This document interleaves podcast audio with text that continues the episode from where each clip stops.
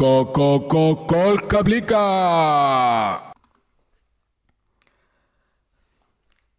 Jou-jou, tore kolkablika. täna on kahekümnes aprill. minu nimi on Liina. kutsun endki kolkablikaks ja olen täna siin, et tuua sullegi ehk tulu ehk taipamist. ehk eksponentsiaalset tulu ehk eksponentsiaalset taipamist. Viimast sada prossa tegelikult lubada ei julge kui mitu korda oled sina näinud viimasel ajal sõna eksponentsiaalne? mul on tunne, et ta on järsku nagu igal pool. ma kujutan ette, et ma, ma oletan, et ma kohtasin seda sõna kunagi matemaatikatunnis keskkoolis või noh, õigemini ilmselt siis matemaatikaõpikus, sest tundi ma keskkoolis liiga palju ei jõudnud. meelde ta igatahes ei jäänud hetkel on niisugune tunne, nagu oleks uue sõna ära õppinud. ja noh, õppimiseks tuli natukene vaeva näha, sest eks ta igal pool silma jäänud on kohati rutaka laisktõrklemise tulemusena ehk kui maailma meedia kirjutab, et viirus levib exponentially, exponentially, siis ruttav laisktõrkleja, kes uudiseid kirjutab, tõlgib ta ruttu eksponentsiaalseks, selle asemel, et võtta võib-olla moment ja kaaluda, kas ehk oleks tulusam öelda näiteks hüppeliselt, tulusam siis lugeja jaoks, kellele informatsiooni an-, anda tahetakse. Samas ma ei virise uute sõnade õppimise võimaluse üle kavatsen nüüd oma teadmisi hoopis edasi õpetada. mida tähendab eksponentsiaalne? eksponentsiaalne kasvamine või kahanemine on siis matemaatiline termin, mis tähistab pidevat ja järjest kiirenevat juurdekasvu või kahanemist, võib olla mõlemasuunaline. Kusjuures kasvamise või kahanemise kiirus on alati proportsionaalselt seotud koguse endaga näiteks koroonaviirus. koroonaviirus levis eksponentsiaalselt, sest viiruse levik oli seotud inimhulgaga, kellel on juba viirus, kes on juba nakatunud. mida rohkem inimesi said nakkuse, seda rohkematele inimestele said nad nakkust edasi kanda. ehk seni, kuni me omaette ei hoidnud, viirus levis eksponentsiaalselt, muudkui levis investeerimine vist on ka valdkond, kus seda sõna armastatakse. investeerides oodatakse eksponentsiaalset kasvu. et kui investeerid mingi summa, siis see summa hakkab suurenema ja mida suuremaks see summa saab, seda kiiremini ta suureneb. see on see loogika. Aga nagu naljakalt mätsiv nagu mu elu juhtub olema, sattusin ma nüüd ka eelmisel nädalal lugema raamatut, raamatu nimi on Whiplash ehk piitsalöök, alapealkirjaga Kuidas saada hakkama üha kiirenevas maailmas. ja raamat kirjeldab aega, ajastut, kus me elame ka kui eksponentsiaalselt, eksponentsiaalselt muutuvat ajastut. Mis siis täpsemalt muutub, on tehnoloogia. tehnoloogia areneb ja muutub iga päevaga ülikiirusel, nüüd juba pea kontrollimatult, mis siis toob omakorda kaasa ka või noh, juba on toonud ja toob tulevikus ka kaasa väga suuri muutusi. suuri muutusi meie igapäevaelus. kõik sai alguse põhimõtteliselt tööstusrevolutsiooniga kaheksateistkümnenda sajandi lõpul, kui leiutati aurumasin, mis tähendas, et enam ei pidanud kogu tööd ära tegema nii-öelda käsitööna.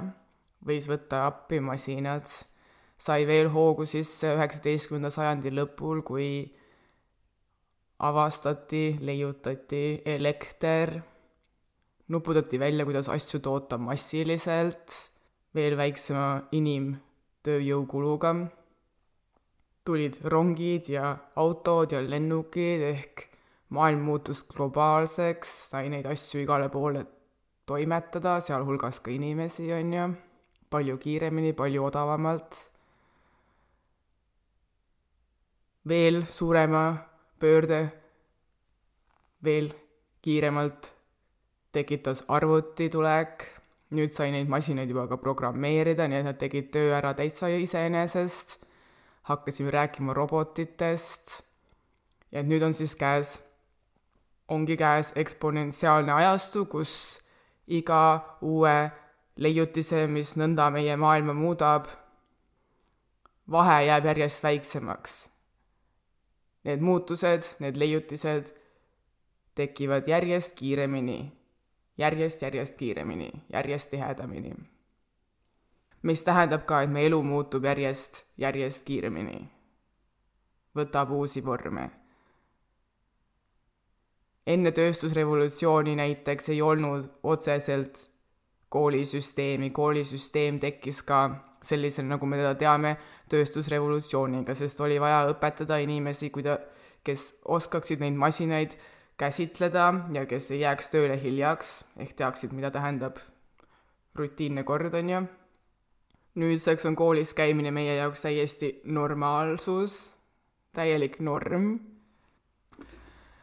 Veel näiteks enne tööstusrevolutsiooni elati üldiselt maal tööstusrevolutsioon tõi kaasa linnastumise, sest linnades olid üldiselt vabrikud ja vabrikul oli oluline, et see õigel ajal tööle jõudev elanik jõuaks õigel ajal tööle ehk elaks seal vabriku kõrval, on ju.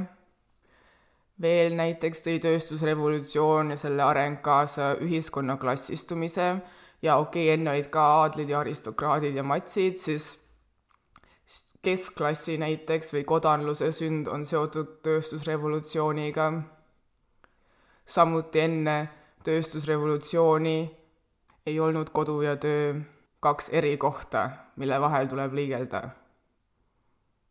kõik olid kodukontoris, kuigi noh, kontor on ka tööstusrevolutsiooni järelt tekkinud leiutis. põhimõtteliselt kõik, mis meie jaoks on praegu väga tavaline, mille puhul jääb mulje, et nii elu käibki, on tegelikult alles üpris hiline nähtus. ma pole raamatu sissejuhatusest veel kaugemale jõudnud, aga aga on jäänud mulje, et raamat tahabki öelda, et see muutus ja selle muutuse kiirus on paratamatu, selle vastu ei ole mõtet äh, võidelda, ei ole mõtet üritada seda pidurdada, ta on meie kontrolli alt väljas nii et ehk ongi parem ta lihtsalt avasüli vastu võtta. tuleb ta niikuinii, ehk avasüli vastu võttes on meil võimalus olla rohkem osa kaasa rääkimaks, mida me selle muutusega siis nii-öelda peale hakkame. mida sellega teha tahame. kõrvale aga mätsimisest ehk kuidas juhus mu mõttelõngi toa-, toetab sest noh, on ju natukene naljakas, et mul on justkui kuskilt kõrgemalt nagu antud aega nüüd lugeda raamatut, kuidas saada kiirema tulevikuga hakkama. seda nii-öelda mätsimist tõestavalt, siis ei ole esimene kord, kui äh, juhuslikult juhtub kätte raamat, mis siis mingi nurga alt mätsib just nimelt sellega, mis mu elus tol hetkel toimub ning annab selle toimuma vaatlemiseks nii-öelda uusi nurki kätte. Ma olen alati väga tänulik äh, sellise mätsimise üle, tänulik Hõrrale. näiteks eelmine raamat või tegelikult nüüd juba üle, üle-eelmine raamat, mu raamatu lugemine koroona karantiinis on ka hüppeliselt kasvanud. Üle-üle-eelmine raamat, mille koroona karantiinis läbi lugesin juhtus näiteks rääkima ühest teisest viirusest, mis ka minevikus, tuhande üheksasaja kaheksakümnendatel, tuhande üheksasaja üheksakümnendate aastate alguses võttis epideemilised mõõtmed. ma lugesin Ameerika Ühendriikide kunstniku David Voinarovitši memuaare. David Voinarovitš suri tuhande üheksasaja üheksakümne teisel aastal AIDSi. ja kui AIDSi epideemia puhul räägitakse alati ja põhjusega kuidas toonane Ameerika Ühendriikide valitsus eesotsas siis Reaganiga, Reaganiga, ma ei tea, kuidas seda hääldada, vahet pole, probleemi aastaid ja aastaid ignoreeris ja vältis ja seega ilmselt ka epideemia sellisele levikule kaasa aitas.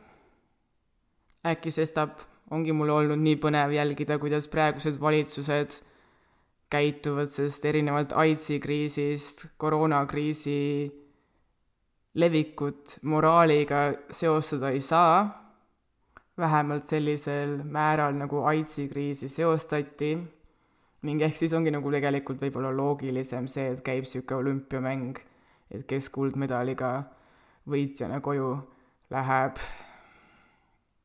ei tea. Samamoodi näiteks eelmise aasta märtsis, kui ma kinni istusin, lugesin ma Malcolm X-i päevikuid, mis pani kinniistumisest teistmoodi mõtlema, või siis näiteks kaks tuhat kaheksateist aasta suvel ma olin Ameerika Ühendriikides ja lugesin ühe valge pere basseini ääres päevitades taustaks muruniiduki heli, Ta-Nahisi Coatesi raamatut Maailm sinu ja minu vahel. See raamat rääkis Ameerika unistuse, American Dream, mille sisuks tihti peetaksegi võimalust niita muru oma tagahoovis, kättesaadavus vaid osale selle riigi nii-öelda ühiskonna, ühiskonnast. Ta-Nahisi Coates on mustanahaline mees ja raamatu oli ta sõnastanud kui kirja oma mustanahalisele pojale. Aga rääkides matemaatikast, siis absoluutselt kõige rohkem pärast kooli on mul kasutus saanud üks valem, mida ma õppisin seitsmendas klassis. see valem on ristkorrutis see võrratu võrdekujuline võrrand. tead küll, kui sul on kaheksakümmend kommi ja näiteks koer või onu või vend või sõps sööb sellest ära kuuskümmend protsenti, siis kui palju jääb komme sulle endale alles? kui kaheksakümmend kommi on sada protsenti, X kommi on nelikümmend protsenti, siis X on nelikümmend protsenti korda kaheksakümmend kommi jagatud saja protsendiga ehk X on kolmkümmend kaks. Endale nosimiseks jääb kolmkümmend kaks kommi. Kuigi ristkorrutis vist õpetati tegelikult just nimelt protsentide arvutamiseks, siis mina olen suutnud seda kasutada absoluutselt igas olukorras ja võimalusel, kui on vaja mingisuguseid suhteid äh, klaarida, välja mõelda, kuidas asjad omavahel suhtes on. no näiteks olen teinud mütsi mütsilõike kudumiseks ja siis äh, õde, kellel on väiksem pea, sest minul on liiga suur pea, mul on tõesti väga suur pea, tahab sama, sama mütsi, siis ma võtan enda selle mustri näidiseks ja läbi ristkorrutise leian õige silmuste arvuga väiksema peaga õele või vennale. ma arvan, et väga paljudel inimestel on väiksem pea kui äh, minul. ja ristkorrutisest räägin ma praegusest äh, ta on ülejäänud jutu, mis mul täna rääkida on, baasiks, aluseks, minu vahendiks, oli minu vahendiks. nimelt, piitsalöögi raamatu sissejuhatuses, et näitlikustada, muuta lihtsamalt hoomatavamaks, ma arvan maailma eksponentsiaalset arengut, kasutasid autorid näidet, kus asetasid terve maailma ajaloo ühte aastasse. noh, et enamus aastat ei toimu suht midagi, maale asuvad esimesed loomad elama alles detsembri alguses, dinosaurused ei sure välja enne jõule ja et inimeslaadsed ärkavad ellu alles kümme minutit enne südaööd. Samamoodi panid nad need kümme minutit, mil inimelukad maal elavad, eraldi aastasse, jälle ei toimu suurt midagi kuni detsembrini. detsembri esimestel nädalatel hakatakse pronksi valama, kristlus hakkab maailmas levima, no arva ära, millal, jõuludel, ja tööstusrevolutsioon ei toimu enne kolmekümne esimest detsembrit. siis hakkab varahommikul pihta. ma sain sellest näitest inspiratsiooni. ilmselt aitasid inspiratsioonile kaasa ka artikkel Eesti Ekspressist, mida eelmisel nädalal lugesin, kuidas nüüd noortel koroonakriisi tõttu jääb noorus läbi elamata ja noh, ilmselt ka see üldine õhustik, kus elusügis on pidevalt õhus. Nii et mina otsustasin välja arvutada, mis kuupäevani olen mina oma eluga jõudnud, kui mu terve elu mahuks ühte aastasse. ja selleks ma kasutasin muidugi ristkorrutist. esiteks tuli muidugi paika panna tervik. ma olen juba olnud aastaid kindel, et elan vähemalt üheksakümne aastaseks. pikk lugu, miks või kust mul too kindlus pärit on ma jätan selle praegu rääkimata. igatahes, kuna tahan elada vähemalt üheksakümneseks või sajaseks oleks ka päris vahva, siis tervikuks oma ristkorrutises võtsin üheksakümmend viis aastat ehk siis keskmise. oodatud eluiga üheksakümmend viis aastat. aasta pikkus on teadupoolest kolmsada kuuskümmend viis koma kakskümmend viis päeva. ma olen kakskümmend üheksa koma kakskümmend viis aastat vana, mis on X mis kuupäevale langeb kaheksakümne üheksa koma kahekümne viie aastane inimene, kui ta üheksakümne viie aastane elu mahuks ühte aastasse. ristkorrutis andis tulemuseks sada kaksteist ehk mul on käsil saja kaheteistkümnes päev. ehk leian end kahekümne üheksa koma kahekümne viie aastasena kahekümne teises aprillis. ehk peaaegu täpselt nõnda kaugel, kui oleme meie hetkel aasta kaks tuhat kakskümmend algusest. selle mudeli, kui terve elu oleks üks aasta, järgi kestab üks kuu umbes kaheksa aastat, üks nädal seega umbes kaks aastat. hoomamiseks näiteks, kui minu hetkel pea kolmkümmend aastat mahutada selle aasta algusesse, siis sündides esimesel jaanuaril südaööl kaheksandal jaanuaril sain juba õeks. kahekümne kolmandal jaanuaril sain endale lisaisa. kooli läksin kahekümne kuuenda jaanuari kell üheksa õhtul. neljandal märtsil kolisin kodust ära. kahekümnendal märtsil lõpetasin keskkooli. esimesel aprillil kolisin välismaale. neljandal aprillil kolisin sealt juba tagasi vanemate koju ja nüüd on kakskümmend kaks aprill Nende vahepunktide vahele mahub muidugi veel väga palju asju, minevikku on meil kõigil ju palju. igatahes elatud on kolmkümmend koma kuuskümmend kuus protsenti elust ehk tervelt kuuskümmend üheksa koma kolmkümmend neli protsenti ehk pea seitsekümmend protsenti elust on veel ees. siin tuleb muidugi öelda, et kuigi mind inspireeris oma potentsiaalset elu aastale jaotama maailma eksponentsiaalsed kasvud, siis oma elus eksponentsiaalne kasvamine või muutus mind nõnda palju ei köida. huvitavam on siin minu arust mõelda hoopis aastaaegadest. kevad, nagu me teame, algab kahekümnendal märtsil ehk lapsepõlv kestab siis minu arvutuste kohaselt kahekümnenda eluaastani. kui elukevad tähendab noorust, siis kevadele eelnenud talv peaks tähendama ju lapsepõlve elu niimoodi aastale mudeldades jääks jupp talve muidugi ka elu lõppu, mis on ka minu arust loogiline. nii talvel elu alguses kui ka elu lõpus, täitsa lõpus, oleme me ju abitumad, vajades ehk teiste abi ja hoolt rohkem kui nii-öelda elu keskel. talvel samamoodi tuleb meil endid ise abistada, näiteks kas või ahju kütmise näol elukevad ehk noorus kestab siis elusuve alguseni. suve algus on kahekümnendal juunil ehk äh, arvutuste järgi, kuni oled nelikümmend neli ja pool. ehk sellepärast kunstimaailmas räägitaksegi noorkunstnikust, kuni inimene on neljakümne viie aastane. kes teab? mina oma kahekümne teise aprillini jõudnud kahek-, kümne üheksa aastase eluga olen seega täitsa keset kevadet või isegi pigem nooruse alguses. kaks kuud on ju veel suveni aega. ehk ma olen kakskümmend üheksa ja noor. ja noor veel vähemalt viisteist aastat. ei kurda. elusuvi, need kõikse viljakamad aastad kestavad siis sügise alguseni mis hakkab pihta kahekümne teisel septembril ehk olles umbes kuuekümne üheksa aastane. elusügis kestab siis vanuseni üheksakümmend kaks, mille järel on siis veel natukene aega asju kokku pakkida ja hüvasti jätta ja kui nii usud, siis seejärel vastu astuda uuele elule, uuele aastale. ma ei tea, kuidas sul aastaaegadega on, aga mul on sügis nagu tulp. Sügis on nagu tulp ehk nagu tulp on mu lemmiklill, on sügis mu lemmikaastaaeg.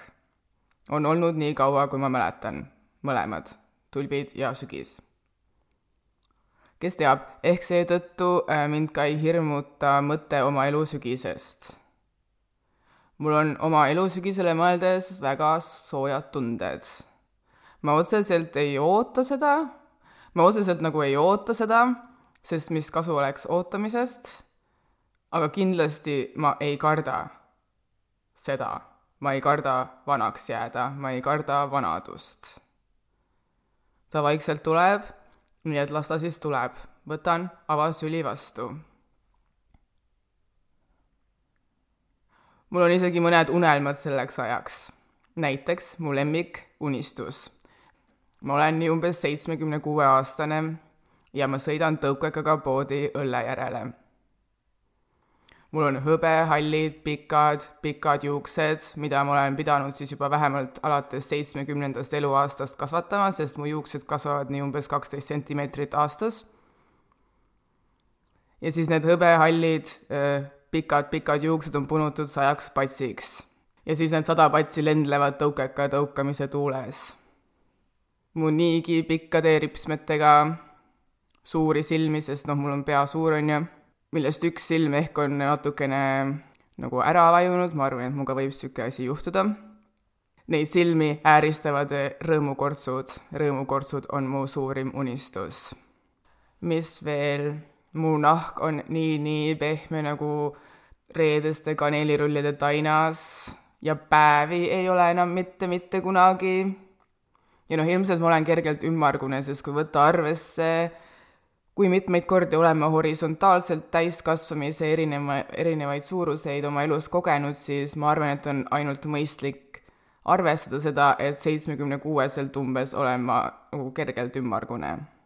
mul on tunne, et Beats Creeps peened vanad daamed on kas olnud terve elu Beats Creeps peened, ehk neil lihtsalt ei ole võimalik nagu juurde võtta raskemaks saada, paksuks minna, või siis on tegemist äh, söö-, mingit sorti söömishäiretega ja neid ma ju enda vanadusse unistada ei tahaks, on ju. samuti tundub äärmiselt mõistlik ette kujutada ka seda tõukekasõitu, sest liikumine on ju oluline ja miks mitte kujutada end ka vanemas eas rõõmsalt ja hoogsalt liikumas. väga mõistlik sellest tulenevalt on ehk ka huvitav mõelda, mida võiks selles kontekstis, kui mõelda elust kui aastast, tähendada minu ja suve ajas muutunud suhe.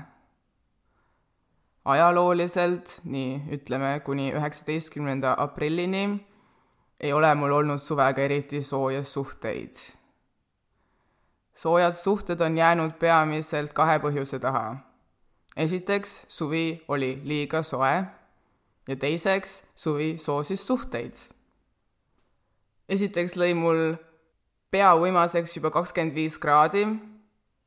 Ja teiseks, mina, kellele meeldib vist enim omaette toas rahulikult raamatut lugeda, eelistasin suvele aegu, kus õueminek ei olnud, õueminek ja seal sotsialiseerumine ei olnud ei otsese ega kaudse sotsiaalse surve teema viimastel aastatel aga on mu suhted suvega soojenenud. esiteks olen ma muidugi õppinud ja seega ka saanud edukamaks, ma arvan, nii sellele otsesele kui kaudsele sotsiaalsele survele oma õõsõrme näitamises. teiseks, see painevam probleem, füüsiline probleem, tulenevalt ilmselt muutuvast kliimast ja ka kohtadest, kus ma suved viimastel aastatel olen veetnud, mis on olnud äärmiselt kuumad, on keha vist äh, ka hakanud aklimatiseeruma. enam kakskümmend viis kraadi pead ringi käima ei aja.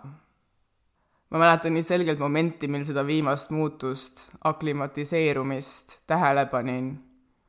umbes aasta tagasi vist sõitsin suvel rattaga tööle, oma tollasele koristamistööle päevi ja päevi oli olnud tapvalt kuum ilm.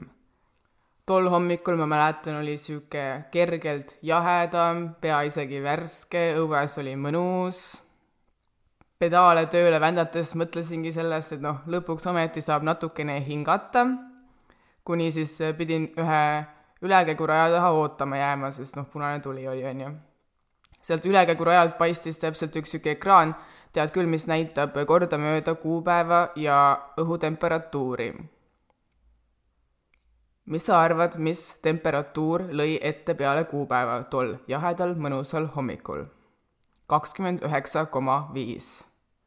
kakskümmend üheksa koma viis. mina, kel vanasti oli kakskümmend viis kraadi pea sõitsma, olin just mõelnud, et kakskümmend üheksa koma viis kraadi on mõnus, jahe, värske suvehommik. igatahes järeldasin sellest, et mingit sorti muutus on toimunud keha saab soojusega paremini hakkama. ja nüüd ongi küsimus, et nüüd, kui tean, et elan rõõmsalt üle ka kolmkümmend pluss ilmad ja suvega enam ei seostu üksnes õud, kas siis on lõbusam ehk ka mõelda sellest elusuvest, keskeast? Eriti hetkel, kus praegu tuleva suve plaanid on küsimärgi alla seatud mu arvutuste kohaselt ma saaksin viiekümne aastaseks üheteistkümnendal juulil. see pole isegi veel keset suve. mis mul sel aastal üheteistkümnendaks juuliks plaanis oli?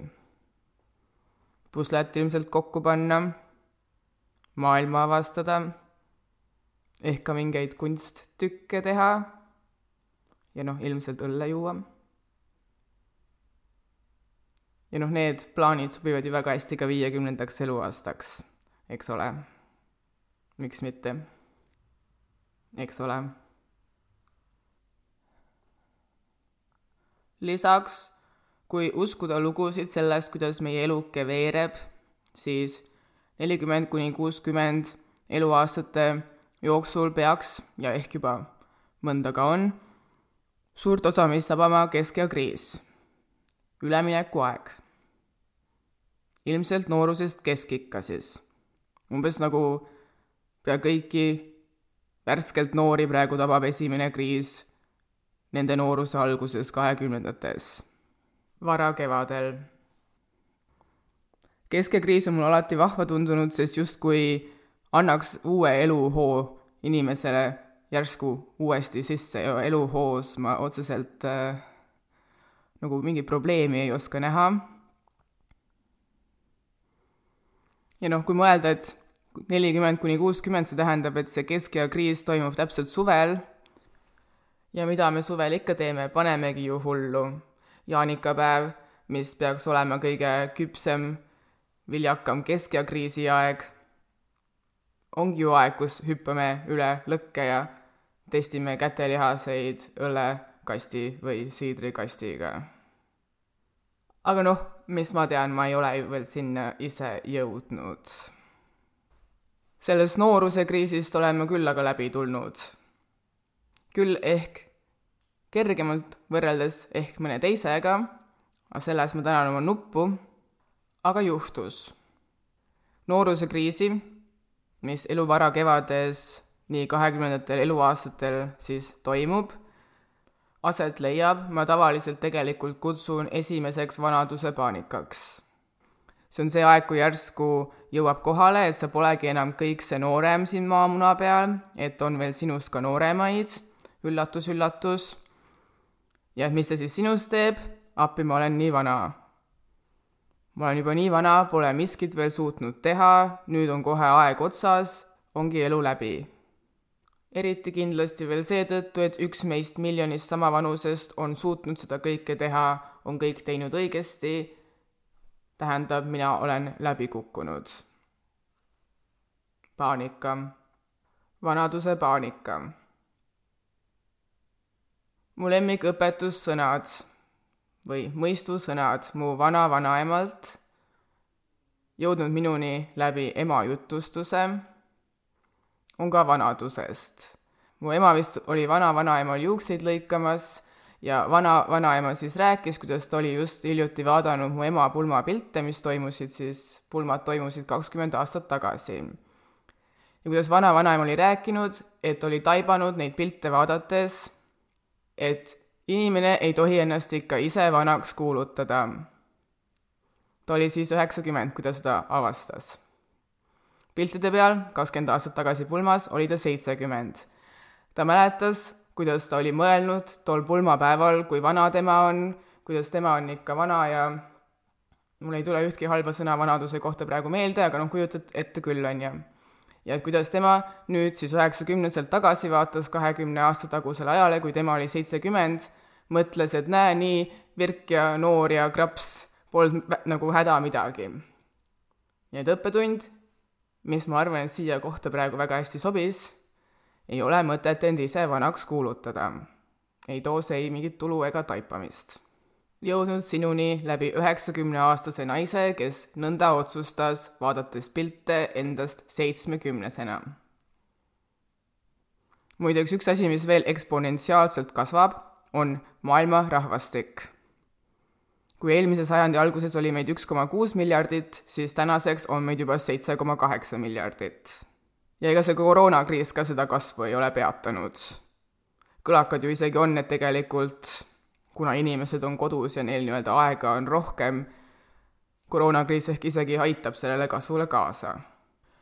kui mul tekivad need ahastusmomendid, et see üks või see teine on minust paremad, edukamad, ja noh, sedasorti mõttekäigud on tavaliselt ka ju selle vanaduspaanika all, seal on alati kuskil olemas mingi võrdlus, kas või võrdlus sellega, kuidas või kus või mis elu peaks minuvanune inimene ühiskonna arvates elama.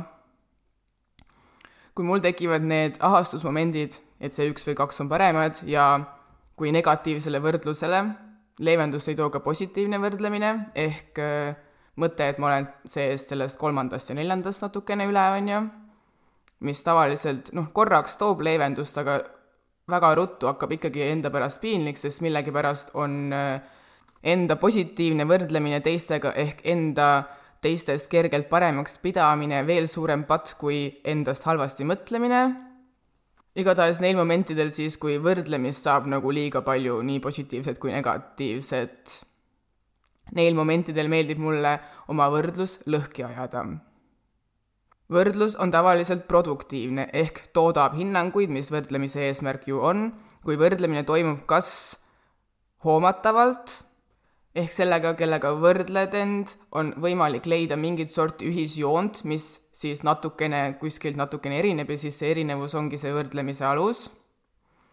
või teiseks on võrdlus produktiivne siis, kui võrdlus toimub kitsalt, ehk ehk kõik võrdluses osalevad üksused peavad olema teada-tuntud ja noh, ka jällegi hoomatavad. võrdluse saab lõhki ajada nii, et laiendad seda kitsust ja laiendad ka seda hoomatavust. ehk nendel momentidel, kui ma tahan oma võrdlust lõhki ajada, sellest lahti saada, ma hakkan mõtlema endast kui ühest inimesest seitsme koma kaheksa miljardi inimese hulgas. Ma hakkan ennast võrdlema kogu selle massiga. mina versus seitse koma kaheksa miljardit inimest. ma ausalt öeldes ei suuda isegi ette kujutada, sellist massi, sellist hulka inimesi, rääkimata siis veel kõigi nende inimeste omadustest, omanditest ja nii edasi, on ju, edulugudest või mitte. noh, võrdlus ongi lõhki. Ainus asi ehk, mis ma sealt välja suudan mõelda, et näe, olemegi kõik inimesed. ja kõigile neile, kes äkki ka sina praegu esimest vanaduspaanikat, esimese vanaduspaanika all kannatavad, siis mul on üks nipp. mind aitas taipamine, et jah, olen saanud vanaks noorlaste hulgas, olen noorlaste vanur. See aga omakorda tähendas, tähendab, et ma olen noor vanurite hulgas. ma olen nüüd noor vanurite hulgas ja erinevalt noorusest noorlaste hulgas, noorus vanaduses kestab palju pikemat aega. lisaks sellele, teist korda noor olles on vanad vitsad juba peksnud, ehk nüüd ongi võimalus kõike seda, mida oleks tahtnud teisiti teha, teisiti teha. Sest nüüd ju teab, kuidas oleks võinud teha. ja see viimane tegelikult rakendub ka väljaspool noorust. teisiti võivad teha ka suvitajad või sügisenautlejad või miks mitte teisiti teha ka viimastel talvetundidel. ja siin ma täna ka lõpetan. mu arvutuste järgi oleme karantiini ajas elanud hetkel umbes kaheksa tundi. korralik ööuni. Kuidas magasid? seda ka veel ehk, et alates tänasest neljateistkümnendast saatest hakkavad meeldetuletustele lisasärtsu andma veel teistegi kolkaplikade mõttekillud alguses väikses koguses, hiljem vaatame, läbipõlemine pole idee. kui tahad meeldetuletust tellida, siis tead küll, kaks siis V, kaks siis V, kaks siis V punkt kolkaplika punkt ee. Kuulmiseni järgmisel teisel esmaspäeval.